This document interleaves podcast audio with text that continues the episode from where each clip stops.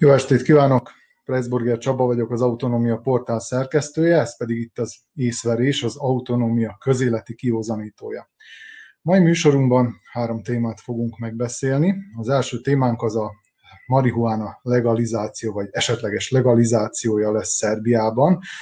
Tehát azt fogjuk meg tárgyalni a vendégekkel, hogy vajon csak szívatnak bennünket ezzel kapcsolatban, vagy valóban tényleg szívhatunk nem sokára legálisan. A második témánk a 41 évvel ezelőtt távozott Josip Broz Tito emléke lesz, illetve arról beszélgetünk majd, hogy vajon kialakult-e a volt Jugoszlávia területén Titónak bármiféle kultusza, ikonikus alakká formálódott-e, és ez elhalványodott, vagy soha nem is szerb státusra. A harmadik témánk az pedig a, már két adásunkban is elemzett közvéleménykutatási adatok lesznek, mégpedig a, ezúttal a vajdasági magyaroknak a televíziózási és rádiózási szokásairól fogunk beszélgetni vendégeimmel, akik itt vannak a stúdióban. Köszöntöm Sinkovics Ede képzőművészt. Szervusz Ede! Szervusz, jó estét kívánok mindenkinek! Losonc Márk filozófus. Szervusz Márk! Jó estét kívánok! És valószínűleg csak egy pici technikai probléma miatt nem látjuk, de köszöntöm Szerkorvágy György szociológust is, reméljük, hogy hamarosan képben is itt lesz.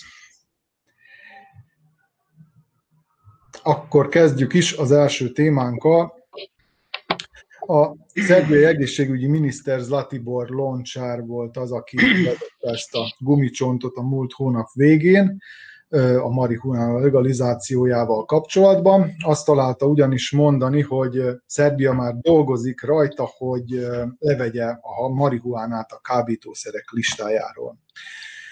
Az ENSZ kábítószer ellenőrzési és bűnmegelőzési hivatalának döntésére hivatkozott, amelyhez, mint mondta, Szerbia az ENSZ tagjaként igazodni fog.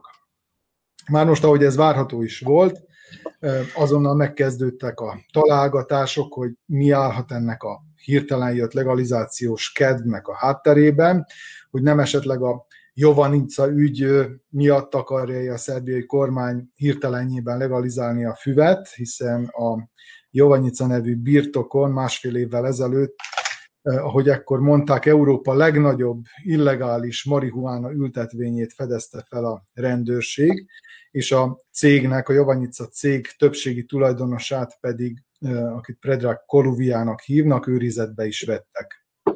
Most az ügy pikantériája az, hogy ezzel a Koluviával szoros üzleti kapcsolatot áll, ápolt Alexander Vucic államfő öccse, Andrei Vucic, és ebben az időben, 2019-ben pedig a rendőrminiszter az a Nebojsa Stefanovics volt, akit Vucic pártbéli vetétársának, hogy nem mondjam ellenségének tartanak sokan, és gondolhatták többen is, hogy esetleg Stefanovics próbálta így diszkreditálni az államfőt. Tehát nem volt teljesen légből kapott az a feltételezés, hogy a legalizáció a hatalom számára kellemetlenné vált Jovanyica ügy elsikálását lenne hivatott szolgálni, Ám pár napnyi találgatás után a szerb elnök lehűtötte a kedélyeket, mondván, hogy semmiféle legalizáció nem lesz Szerbiában, továbbra is üldözni fogják a hatóságok azokat, akik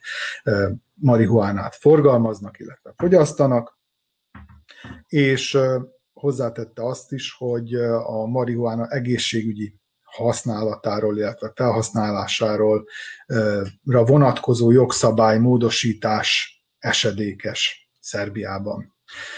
Tehát az ügynek e- elég sok aspektusa van, politikai, gazdasági, kulturális, és sorolhatnám egészségügyi, de kezdjük először a politikai aspektusával, illetve a Szerbiára vonatkozó politikai aspektusával. Márk, szerinted volt-e itt komolyabb szándék a szerbiai hatalom részéről, hogy hogy ezt a legalizációt belengedte, tehát valóban ebbe az irányba gondolkodott-e, vagy egyszerűen csak egy lufi volt, megvárta, milyenek lesznek a reakciók, és valami miatt végül visszakozott, vagy az egész csak egy, egy gumicsont, amin most lehet rágódni egy ideig. Hát ami a dolog globális kontextusát illeti, szerintem két dolgot érdemes megjegyezni, így az elején. Az egyik az, hogy a globális drogkereskedelem jelentősen átszerveződött az elmúlt években, mindenek előtt a közel-keleti válság során, ami azt is jelenti, hogy a Balkán immár nem számít kiemelkedő útvonalnak, ami a kemény drogokat illeti. Ez pedig arra készítette a lokális, regionális szervezet bűnözést, hogy új, új utakat keressenek, új szökésvonalakat. Ez nagyon fontos szerintem.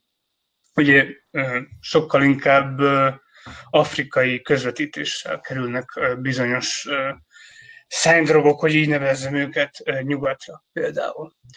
Nagyon fontos az is, hogy amit a Vucic beszélt, az voltak éppen a CBD, ami nagyon más azért, mint a THC tartalmú kanabisz, és a CBD tartalmú kanabiszról azt kell tudni, hogy mellette van nem csak az egészségügyi világszervezet, vagy például az Európai, Tartal, az Európai Parlament, hanem például valamelyik évben 2018-ban az egyik tekintés egészségügyi szervezet az év gyógynövényének tár, nyilvánította, és hát tulajdonképpen egy hatalmas üzlet alakult ki körülötte, úgy becsülik, hogy 2025-re mintegy 16 milliárd dolláros lesz a CBD várható forgalma. Tehát itt van egy globális kontextus, és ezeket szem előtt kell tartani, hogyha meg akarjuk érteni, hogy mi történik Szerbiában. Szerbia tulajdonképpen csak egy globális tendenciához idomul, egy olyan tendenciához, amelyet önmagában nem tekinthetünk forradalminak. Ugye, ami a Jovannica esetet illeti, elég világos, hogy itt tulajdonképpen az állam, a tőke és a szervezet bűnözés egyfajta pervers szövetségéről van szó. Ugye az fel meg legjobban az efféle nagy termelőknek, hogyha az állam üldözi a kis termelőket, őket viszont megkíméli, ők szabadon érvényesülhetnek a fekete vagy szürke, akármilyen piacon, és minél nagyobb monopóliummal rendelkezhetnek, dominálhatnak. Ugye azt tudjuk most már elég világosan, hogy a Jovanyica botrányban több, Jovanyica botrányban többen is érintettek voltak. A BIA, ugye a polgári titkosszolgálat, a VOA, azaz a katonai hírszerzés és a MUP, azaz a belügy és a rendőrség, tehát tényleg itt mindenki be van vonva, úgyhogy logikusnak tetszik az a gondolat, hogy a globális tendenciákhoz csatlakozva részben megpróbálják legalizálni a cannabis termesztést, de fölhívnám a figyelmet arra, hogy van itt egy fogalmi, terminológiai zavar. Gyakran nem teszünk különbséget az egyes terminusok között, ugye dekriminalizálás, legalizálás és liberalizálás. Most nem szeretnék egy fogalmak különbségének rejtélyébe belebocsátkozni. Minden esetre azt szeretném csak elmondani, hogy önmagában az, hogy legalizálás nem jelent tökéletes megoldást. Mondok egy példát, általában véve a kanabisszal kapcsolatban. Ugye Kaliforniában, Kaliforniát úgy szokás emlégetni, mint a kanabisz legalizálás paradicsomát, ahol lám, most már kezd minden rendbe jönni, de hát nem ez a valóság, hanem az van, hogy Kaliforniában tulajdonképpen a termesztők 90%-a nem legalizálta önön tevékenységét, hiszen az állam túl, túl bürokratizálta a cannabis legalizálást, és szigorú pénzügyi követelményeket szab, ami azt jelenti, hogy csak a mamut vállalatok tudnak Isten igazából eh, bizniszt teremteni ebből, ami azt jelenti, hogy megint a kis termelők kárára megy a dolog, és akkor ad vonjam itt meg az analógiát Szerbiával. Az, hogy legalizálás történik, ez nem feltétlenül jelent megoldást, azt is jelenteti,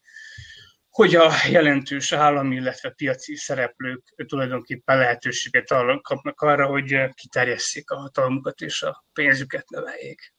De ha jól értem, amiről beszélsz, tehát a legalizálás itt csak az orvosi felhasználásra. Igen, a Vucic tisztázta, hogy itt nem általában véve a kanabiszról van szó, és ez nincs az ember... dekriminalizálásáról sincs szó, uh-huh. itt csak is a CBD-ről.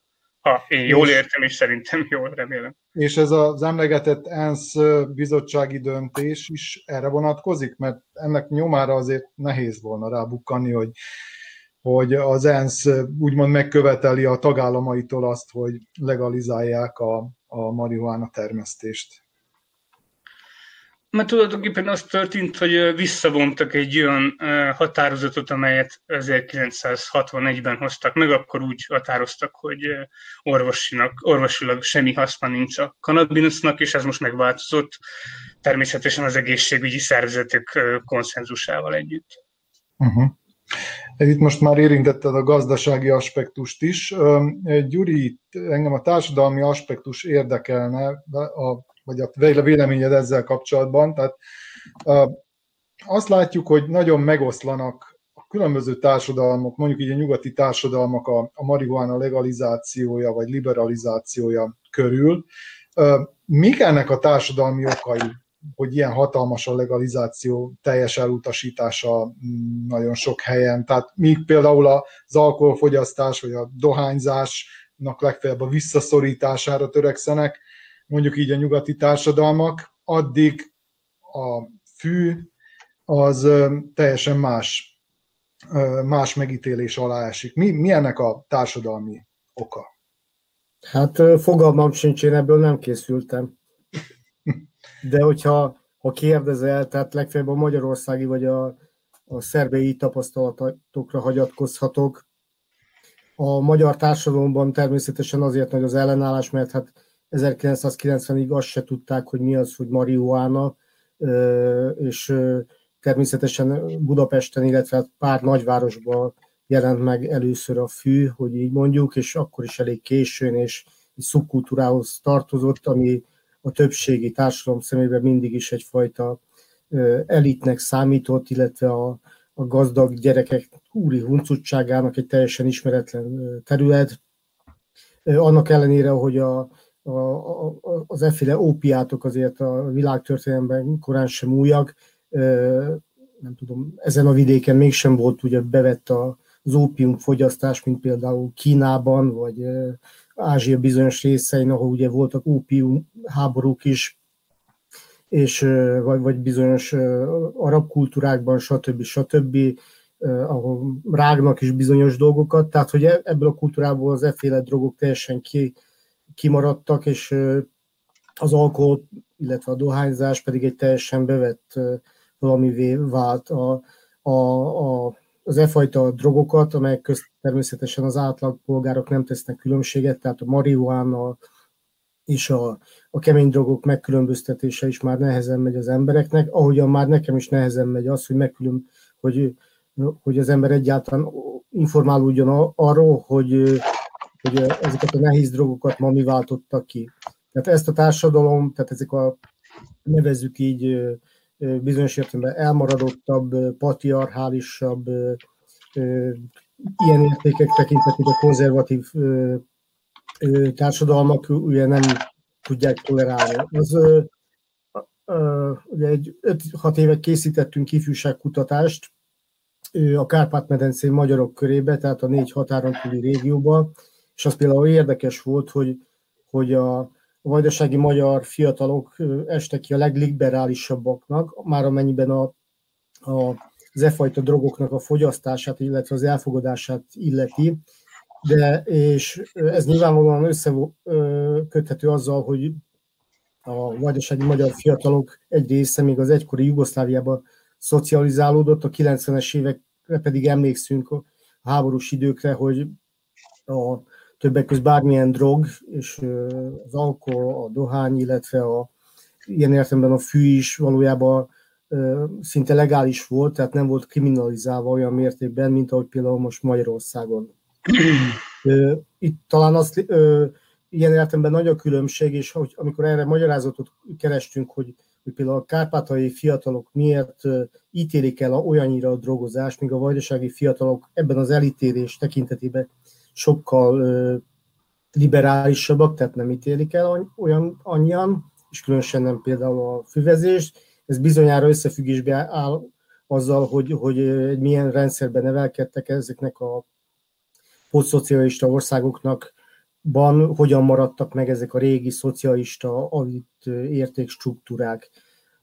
Egyébként nyilvánvalóan a nyugati társadalmakban sem mindenki annyira nem tudom, ilyen értelemben liberális, tehát hogy, hogy ezt engedni, ez összefügg a vallásossággal értelemszerűen, meg mindenféle más dologgal. Hát ezek ilyen örök témák, mint a Amerikában az alkoholnak a, tehát a prohibíció kérdése, hogy ez például milyen mozgalmakhoz kapcsolódott, akár Amerikában ugye a, a, a szesz csempész és a, a szesz ellenesség az a, tipikusan egy női mozgalom volt.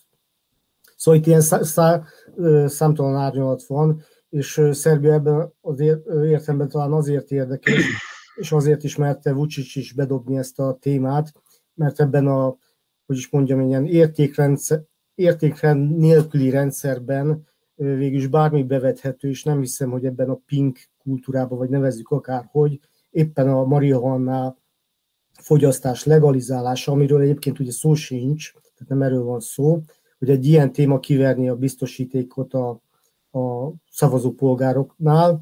Ez Magyarországon talán Orbán erre sokkal inkább rá tud menni, tehát arra, hogy ahogyan kriminalizálták már magának a jointnak az elszívását is, hiszen ez sokkal inkább találkozik az ő szavazóbázisának az értékrendszerével, tehát ez a vidéki populáció mm. részben, tehát a kisfalvak népe, hogyha nagyon durván fogalmazunk, akik egyébként ugye ret, leginkább rettegnek a menekültektől, akik egyébként soha nem láttak egy darab menekültet sem, ugyanúgy félnek a füves cigitől is, bár tényleg tegyük mindig hozzá, hogy szó sincs arról, hogy itt sima legalizációról szó lenne, vagy szóba kerülhetne, az első azt mondja. Tehát, hogy itt azért szerintem azért nem egy olyan nagy ügy, végül csak annyit, hogy nekem egy kicsit vicces azért az, hogy az ENSZ valamit mond, hogy akkor most ezt gyerekek, illetve országok, ezt majd most ez nektek kötelező is tessék elfogadni.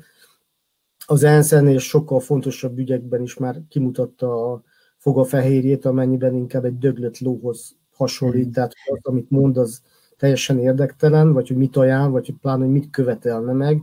Ez látszott egyébként ennek a tervezetnek a véleményezésén is, hogy alig szólt hozzá bármelyik ország. Az pedig, hogy az EU mit mondana erre, hát arra persze kíváncsi leszek. Hát. De szerintem itt szó nincs arról, hogy itt majd a, a, a fél kishegyesi falu, nem tudom, marihuanától lenne szagos. Tehát ettől mert amikor ez a hír előkerült, épp egy ilyen kishegyesi buliba voltam, vagy egy ilyen építkezésen, és akkor ott hirtelen mindenki megörült, és már, hogy akkor jönni fognak a mm. turisták, és stb. stb. És uh, itt fognak szívni, és akkor a falusi turizmus fellendül. Hát szó sincs erről, tehát most megint olyasmiről beszélgetünk, ami, amivel szuperül el lehet szórakozni, és ilyen értelemben, mivel hogy nem hiszem, hogy erre bár, hogy a közeljövőben sor fog kerülni, hogy e- ez a Jovanyica ügyhöz mi köze van, tehát hogy tudják-e majd dekriminalizálni saját magukat, egyébként is meg tudják ezt csinálni bármiféle más törvény, vagy bármi nélkül. Mi van? Olyan emberekről van szó, akik számukra fontosak. Uh-huh. Már jelezted, hogy szeretnél vitat, vitába szállni röviden Gyurival. Egy apróságot illetően, amely azonban szerintem nagyon izgalmas. Gyuri mondta, hogy a 90 nem tudom én hányban a magyarok azt tudták, hogy mi a marihuána. Nem tudom, hogy ez az erős állítás így megfogalmazható-e, de minden esetre történetileg nagyon érdekes, hogy a magyar gyógyszerkönyvekben egészen 1934-ig szerepelt a kanabisz. Tehát létezett az a tudás, hogy a THC, illetve CBD tartalmú kanabisznak milyen elképesztő gyógyító hatása van, és ez egy civilizációs negatív fejlemény, egyfajta regresszió volt, hogy elértünk arra az állapotra, hogy a társadalmi része hiszterizált lett, és tulajdonképpen hamis érvek alapján elveti a kanabisz használatot. Maga a kanabisz használat elnyomás egy érdekes civilizációs kérdés, hát tulajdonképpen a részben a kereszténység is okolható, ugye a pszichedelikus misztérium vallások elnyomását említhetjük meg, vagy megemlíthetjük azt, hogy például mit műveltek a spanyolok Közép-Európában elnyomva a pszilobicin használó törzseket már a tulajdonképpen a 16. századtól.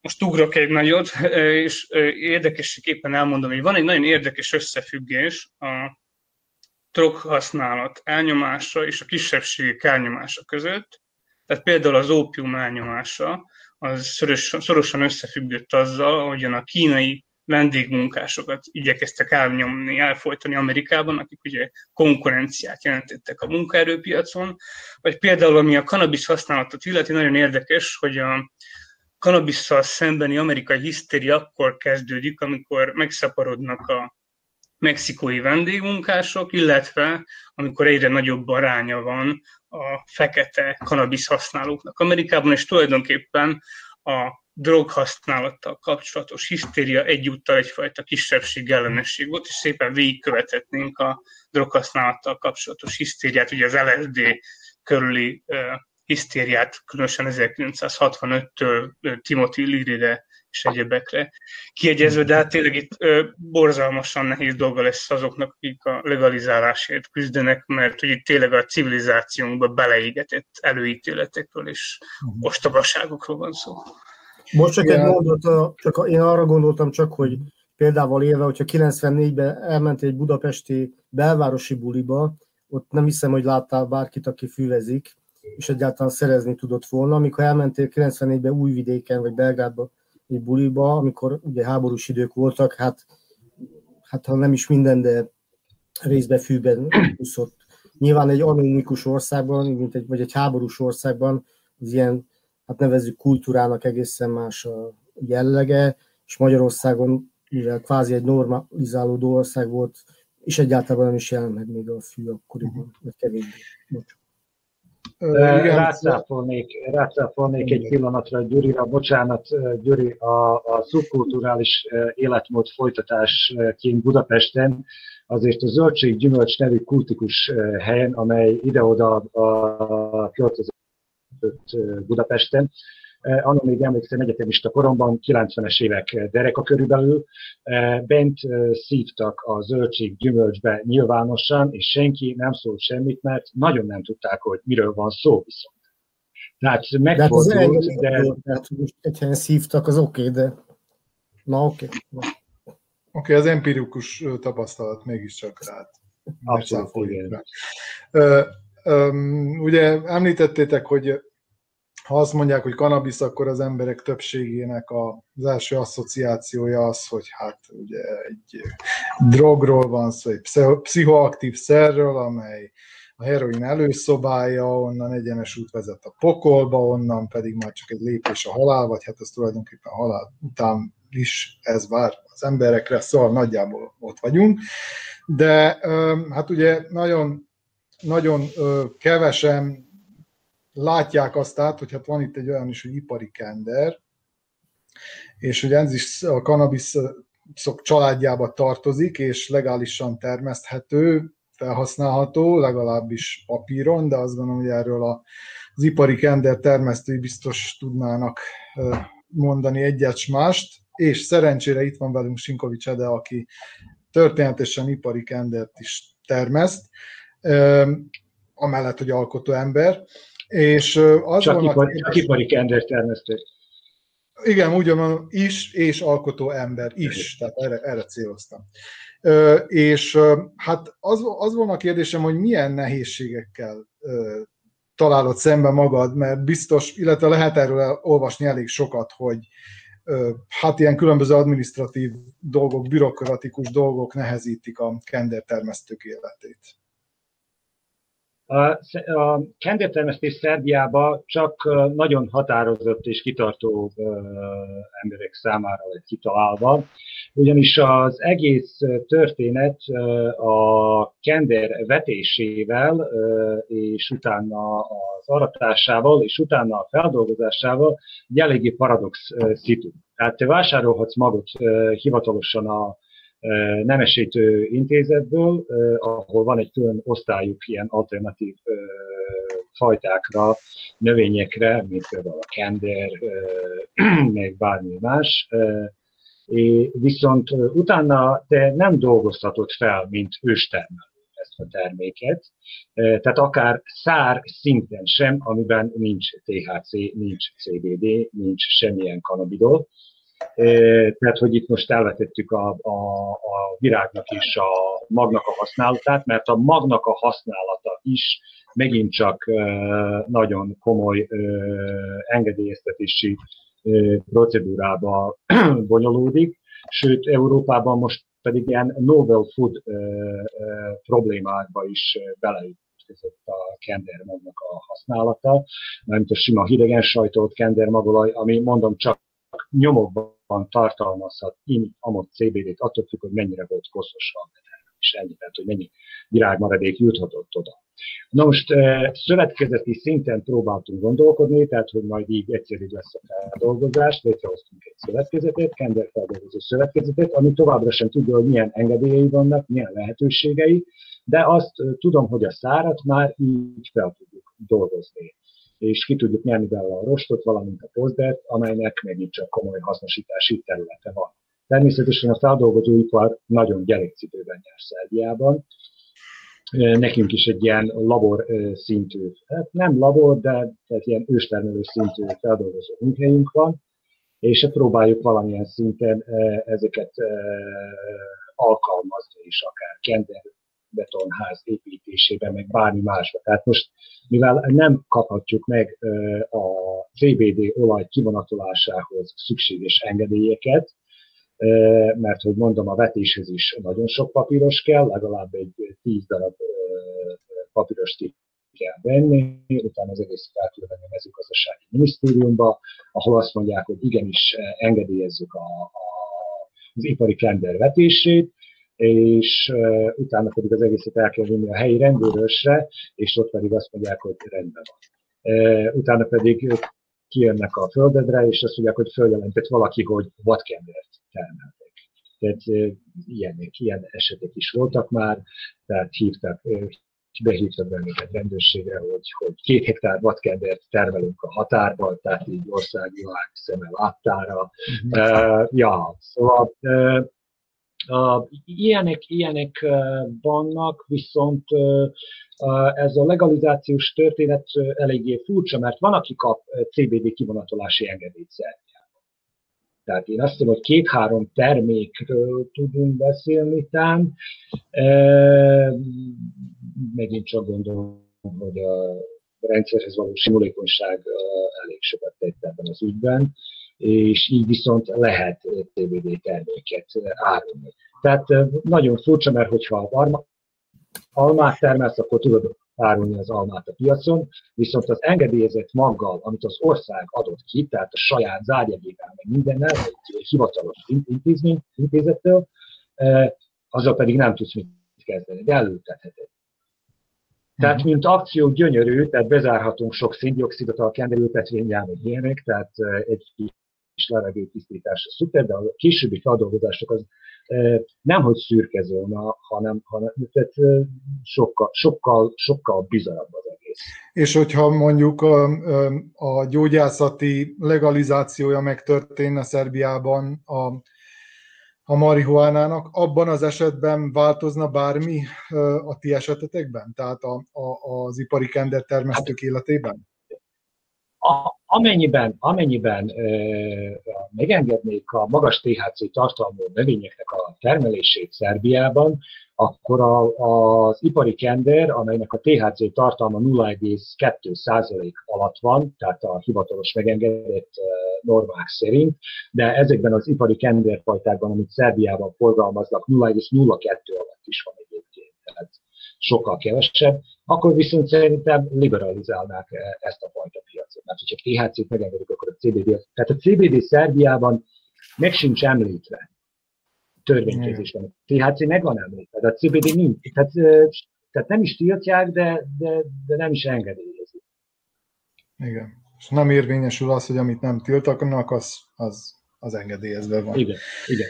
De közben, Jó, közben tehát mondom, hogy vannak, vannak olyan ipari kenderfajták, amely óriási CBG meg CBN tartalommal bírnak, és a, a, a piacon ez a sláger most nagyon, mert a legdrágább összetevője a, kanabidol rendszernek a kenderben, amely például ilyen ö, ö, azt hiszem, hogy 40 ezer dollár egy kiló, amiből nagyon kevés van a kender. Szóval óriási potenciál van benne, és persze minden mondom a virág körül forog, és annak az olaj kivonatolásáról, a második a mag, amelyet nagyon felkapott a kozmetikai par külföldön, tehát óriási brandek, amelyek ilyen ökobrendek, kozmetikai cégek a legjobban eladott termékei között szerepel a listájuk, a hidegen sajtolt kenderben történet. Uh-huh. Tehát mondom, hogy a kozmetikai, kozmetikai ipart is nagyon megdobta. Uh-huh. Jó, lépjünk tovább. A második témánk, ha Josip Broz Titohoz kötődik. 41 évvel ezelőtt távozott az élők sorából a Jugoszláv Szocialista Szövetségi Köztársaság örökös elnöke Josip Broz Tito. Azon a május 4-i napon őszinte gyász lett túlra az egész országon. Azt beszélik, és hát erről számos fölvétel is tanúskodik, hogy az emberek az utcákon, a köztereken sírtak bánatukban, kétségbeesésükben, vagy, vagy épp a veszteség felett érzett fájdalmukban. Viszont 41 évvel később Tito halálának évfordulója, hát legfeljebb egy mínuszos hír a lapokban és a különböző híradásokban. Persze már az az ország sem létezik, amelynek hadseregében sokan a szerelmük neve mellé, vagy éppen helyett Tito nevét, esetleg arcképét tetováltatták, de talán akkor is picit furcsa, hogy Josip Broz ennyire kikopott a köztudatból, miközben ugyanez nem mondható azért el ilyen mértékben legalábbis az általa megtestesített országról, Jugoszláviáról. Mark, jól látom-e azt, amit most a fölvezetőben is mondtam, hogy, hogy Tito nosztalgia nem igazán van, és nem csak Szerbiában, hanem tulajdonképpen a többi volt jugoszláv tagköztársaságban sem igazán. Ellenben jugonosztalgia azért akad itt-ott nyomokban. Mi ennek az oka, hogy így külön válik ez a két dolog? Szerintem az az egyszerű oka, hogy ezek a rendszerek nem a vezetőkről szóltak, hanem a maga a rendszer volt a lényeg, és ugye jelentős mértékben különböztek a mai kortól, különösen az 1979 utáni neoliberális ellenforradalom által meghatározott korszaktól. Mondanék két adatot, amely, amelyek szerintem nagyon idevágnak. Érdemes megnézni a magyarországi adatokat. Magyarországon pillanatnyilag az emberek 40%-a gondolja azt, hogy 40 évvel ezelőtt jobb volt az élet Magyarországon, mint most. 40 százalék, ez elképesztő arány, hiszen lezajlott mégiscsak a rendszerváltás, a nagyon vágyott piacosítás, és a többi mégis ilyen elképesztő az arány. Mondok egy másik arányt, Szlovéniát illetően, ott mindössze az emberek 35%-a gondolja azt, hogy a Szlovénia kiválása Jugoszláviából az beteljesítette a reményeket, a maradék 65% azt gondolja, hogy nem. Itt tehát nem annyira egyes személyekről, Kádáról vagy Titóról van szó, hanem arról, hogy másfajta rendszerek voltak, egyenlősítőek, amelyek e, figyelembe vették az alsóbb subaltern osztályok e, lehetőségeit és kívánságait, egyfajta kelet-európai variánsai voltak a jóléti államnak, modernizáltak, jólétet és biztonságot igyekeztek biztosítani. Egyfajta szolidaritás is jellemezte őket a mával ellentétben. Ugye az eticizmus nem volt olyan erős, mint manapság, és sorolni lehetne hosszan ennek, ennek, a, ennek a korszaknak a különböző erényeit, tehát összefoglalva nem hiszem, hogy Tito lenne itt igazán fontos, vagy akármelyik kelet-európai szereplő, hanem igazából a rendszerekre kell figyelni, és igen, a jugonosztalgia nagyon erős, és jugonosztalgiához képest a titosztalgia az csak halovány lehet. Uh-huh. Uh, Gyuri, szerinted kialakult-e a Tito kultusz, Tito halála után esetleg már, már Jugoszlávia szétesését követően? Tehát arra gondolok, hogy, hogy volt itt egy megfelebbezhetetlen tekintély, aki évtizedekig meghatározta ezt az országot, és, és aztán valahogy legalábbis már ez a, ez a, ez a személyiség semmivé foszlott, ez a benyomásom. Szerinted volt egyáltalán titokultusz, vagy, vagy ez csak valamiféle fantazmagória? Bizonyára volt titokultusz, amiről az is tanúskodik, hogy több ilyen könyv is megjelent, bár ez magáról a titokultuszról szólt, és nem magának Titónak a kultuszát ö, ápolta, de hát ez egyszerű kérdéseket lehet feltenni, például az, hogy who the fuck is Tito, vagy például amit egy 1800, 1989-ről szóló magyar filmben, a Moszkva térben teszi fel egy fiatal a kérdést, amikor temetik Nagy Imrét, hogy ki a csöcs az a Nagy Imre.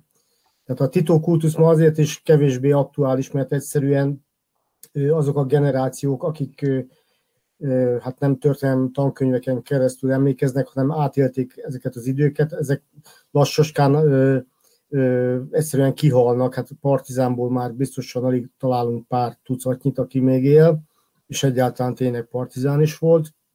Ö, másrészt felmerül az a kérdés, hogy, hogy amikor egy egyfajta nosztalgiáról van szó, akkor, ahogy azt meg szokták jegyezni, a nosztalgia az bizonyos értelemben mindig egyfajta disszidens vagy ellenzéki diskózust, és pont azért van rá szükség, hogy valamiféle op- opponensséget képviseljen az uralkodó eszmékhez képest, és hát jellemző, hogy, hogy amikor a mérték a titónak a titó személyiségének a nagyságát, vagy hogy a közkedvelségét, ugye sokkal később is, tehát a 90-es évektől kezdődően, akkor ugye a szerbeknél, a horvátoknál volt a legkevésbé közkedvelt, vagy még elismert személyiség, és a macedónoknál és a bosnyákoknál maradt az, és elég, hogyha elmegyünk egy bazárba, ami részben, legalábbis térbelileg jól szimbolizálhatja ezt a nosztalgiát.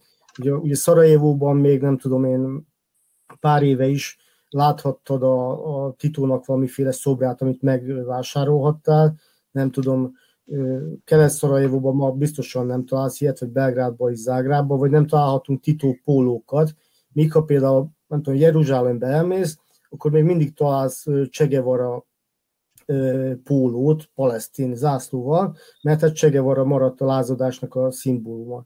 Tito ilyen értelemben már kikopott ebből a, a hőszeremből, tehát nehéz azonosítani bármivel, és hogy ugye egyfajta kultusznál mindig fontosak tényleg ezek a tárgyak például, hogy, hogy a nosztalgia az mindig elad, vagy eladhatóvá tesz valamit, és ahogy mondom, hogy Tito Polót én még életemben nem láttam senkit, ellentétben nem tudom, Mládítja, meg Csegevara tényleg, meg, meg akárkit beszélhet, beszélhetünk.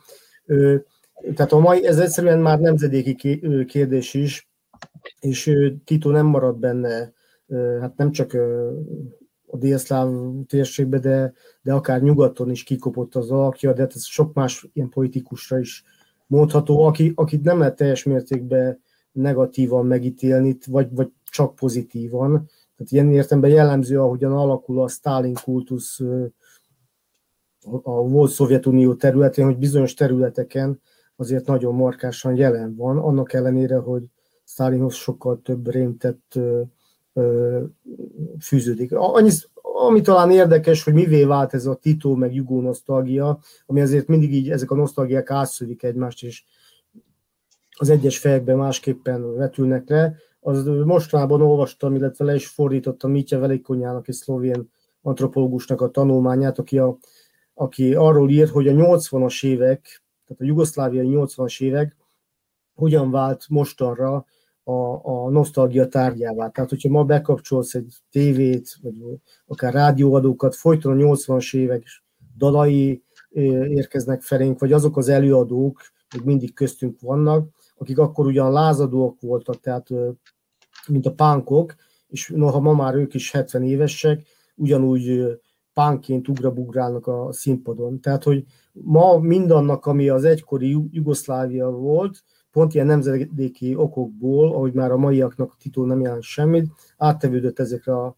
tehát mondjuk a 80-as évekre, ami még mondjuk még a te generációdnak is egy valamiféle belátható távolság, a miénknek meg még maga volt a kamaszkor, ami, amikor egy-egy zenekar, vagy bármi, az, az valamiféle táptalajt ad a mai nosztalgiának is. És ez az élő, és mivel ebből bizniszt is lehet csinálni, tehát lásd a zenekarokat, ezért ez fennmarad. Tito ehhez nem kell. Ugye az utolsó, ami ilyen próbálkozások, azok azt hiszem a Palicson volt egy ilyen Tito az is Jugoszlávia volt. Kis igen, igen, igen. Na de, hogyha már itt említetted ezeket, a, ezeket az ikonokat, illetve azt, hogy, hogy Titót nem láttad még pólón, bár azt hiszem én igen, de most ez te meg mellékszál. Viszont a pravoszláv húsvét előtt az egyik szerbiai bulvárlap ilyen húsvéti tojásokra való levonókkal ajándékozta meg az olvasóit, mutatjuk is, nem tudom, hogy mennyire látszik, és hogy kik vannak itt a képen, egy nagyjából néhányat megemlítek, olyan itt Putyin, Nikola Tesla, Vucic, Kisic, Stepa, Kisic, nem is tudom mi a másik neve, de biztos, hogy fontos személyiség. Igen, Stepavcsevics miniszterasszony, igen. De itt van a Nestorovics is, aki sok hülyeséget mondott a Covid-ról, Nyegos, Ivica Dacsics, akkor a két elmaradhatatlan foci klubnak az emblémája, és nem sorolom, itt megnézheti bárki ezeket a képeket.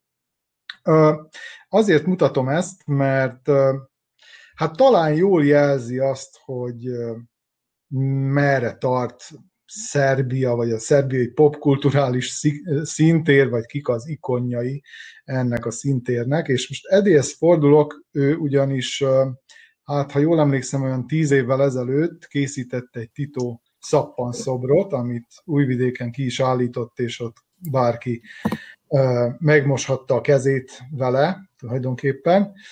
És hát az volna a kérdésem hozzá, hogy, hogy a címe az volt a képnek, ha jól emlékszem, hogy kezdjük Titóval.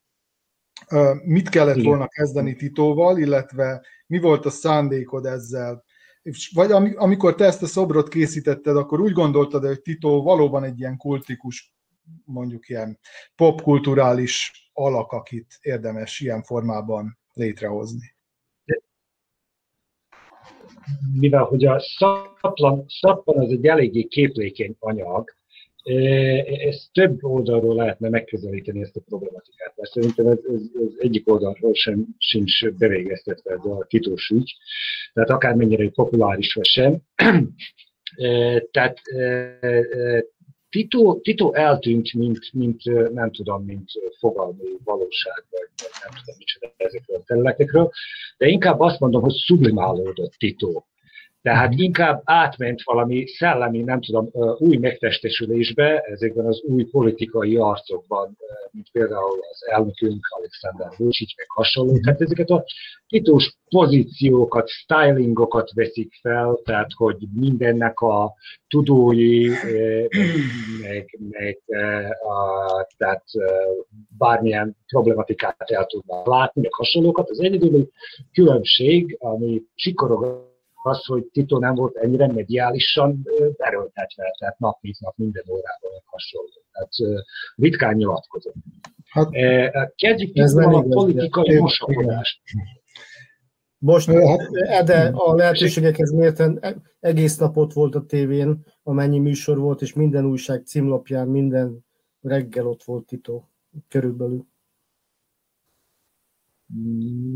Ó, de, igen. Na, hát másként Jó, okay. Akkor, akkor hiányzott, hiányzott az internet, hiányzott az internet, és azért nézem kevés biztos abból az időből. Megint az empíria. Nem találtad a neten. Nem találtad a neten, oké. Okay. Ja, ja, de mi párhuzamos ja, valóságokban ja, ja, létezik. Nem, nem. Így van, így van, így van, így van. És, és, és mondom, hogy Titót elgyárt ez a, ez, a, ez a nacionalista kapitalizmus, vagy nem tudom, minek lehetne nevezni, vagy ö, ö, nacionalista demokrácia, ami kialakult, vagy, vagy bármi más. És mondom, hogy azért szappan, mert mondom, hogy egy ilyen sublimáció történt, hogy, hogy egyszerűen beszippantotta a mostani úgynevezett politikai establishment, ezt az egész idő valamit. Tehát nem tudom, tehát vagy azért, hogy pozitívan próbáljanak mutatkozni, ilyen populista akármiben, köntösben, mert azért Tito most elég sokan azt mondják, hogy nem volt negatív. Tehát, hogy nem negatív kontextusban emlegetik. Uh-huh.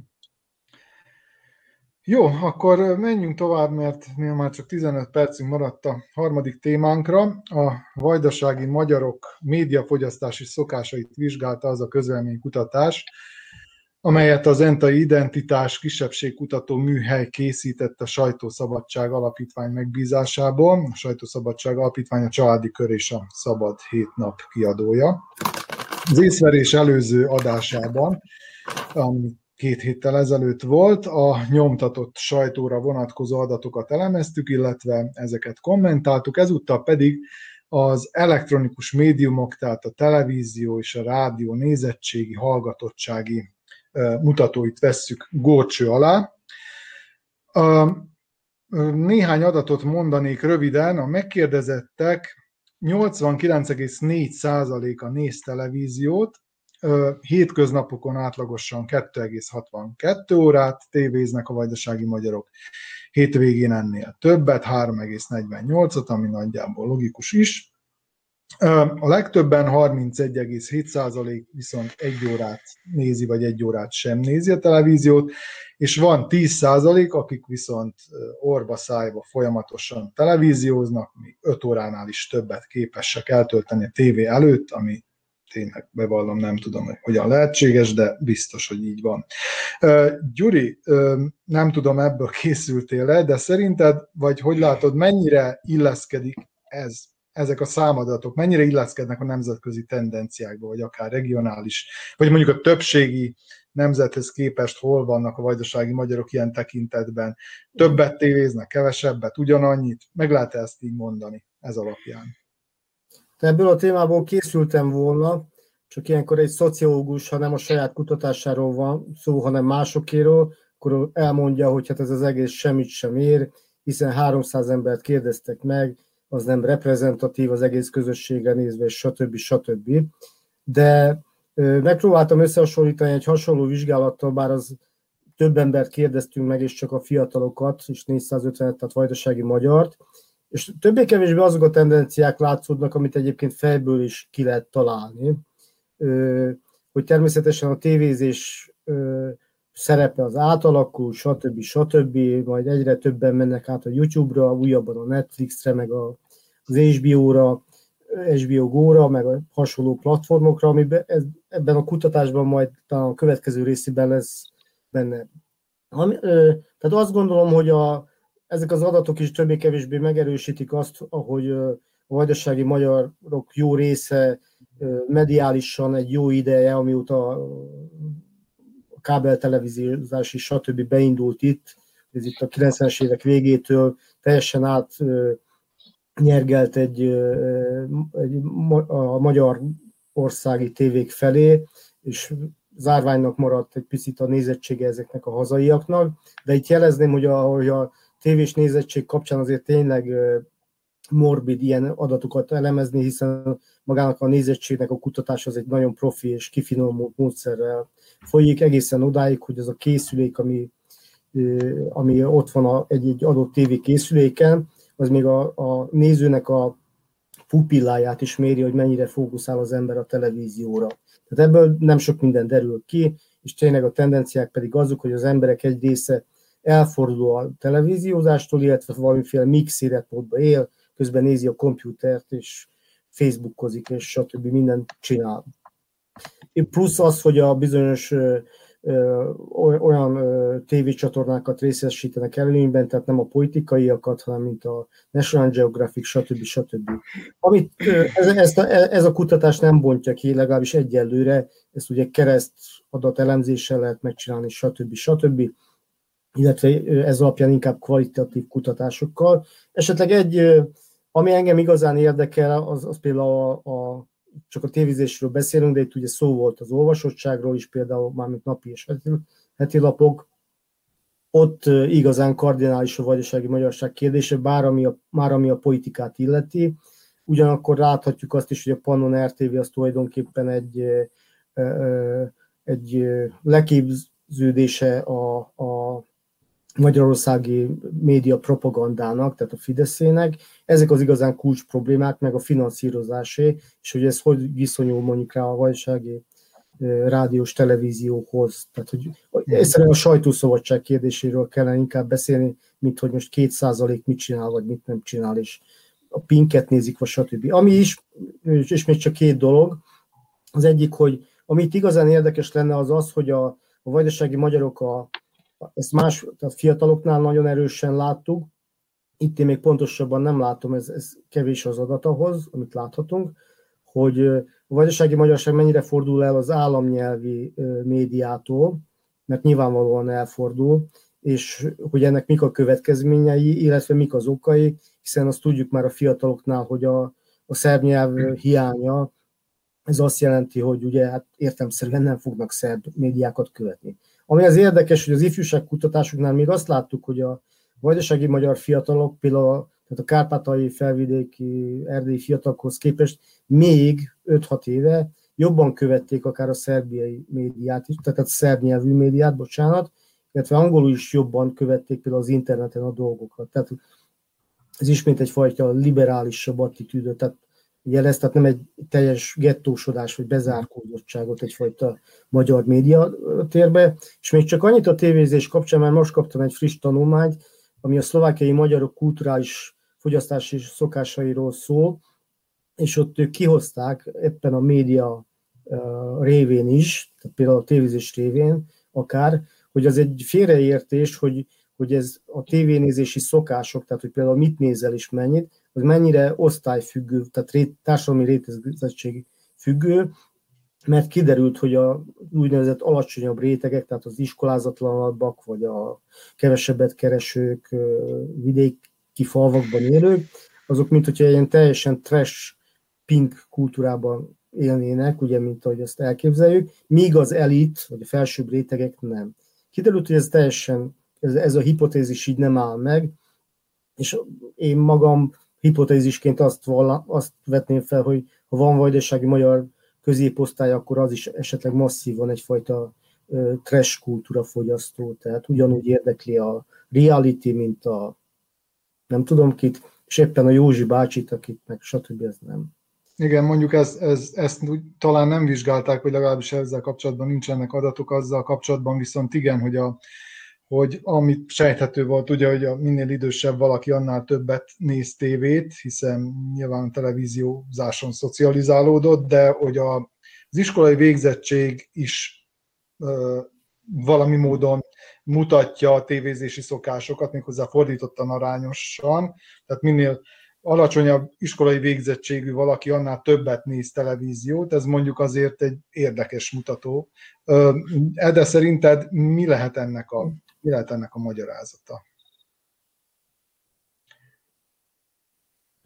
Hogy valaki, aki alacsonyabb oktatással rendelkezik, többet. hogy többet tévézik? Igen.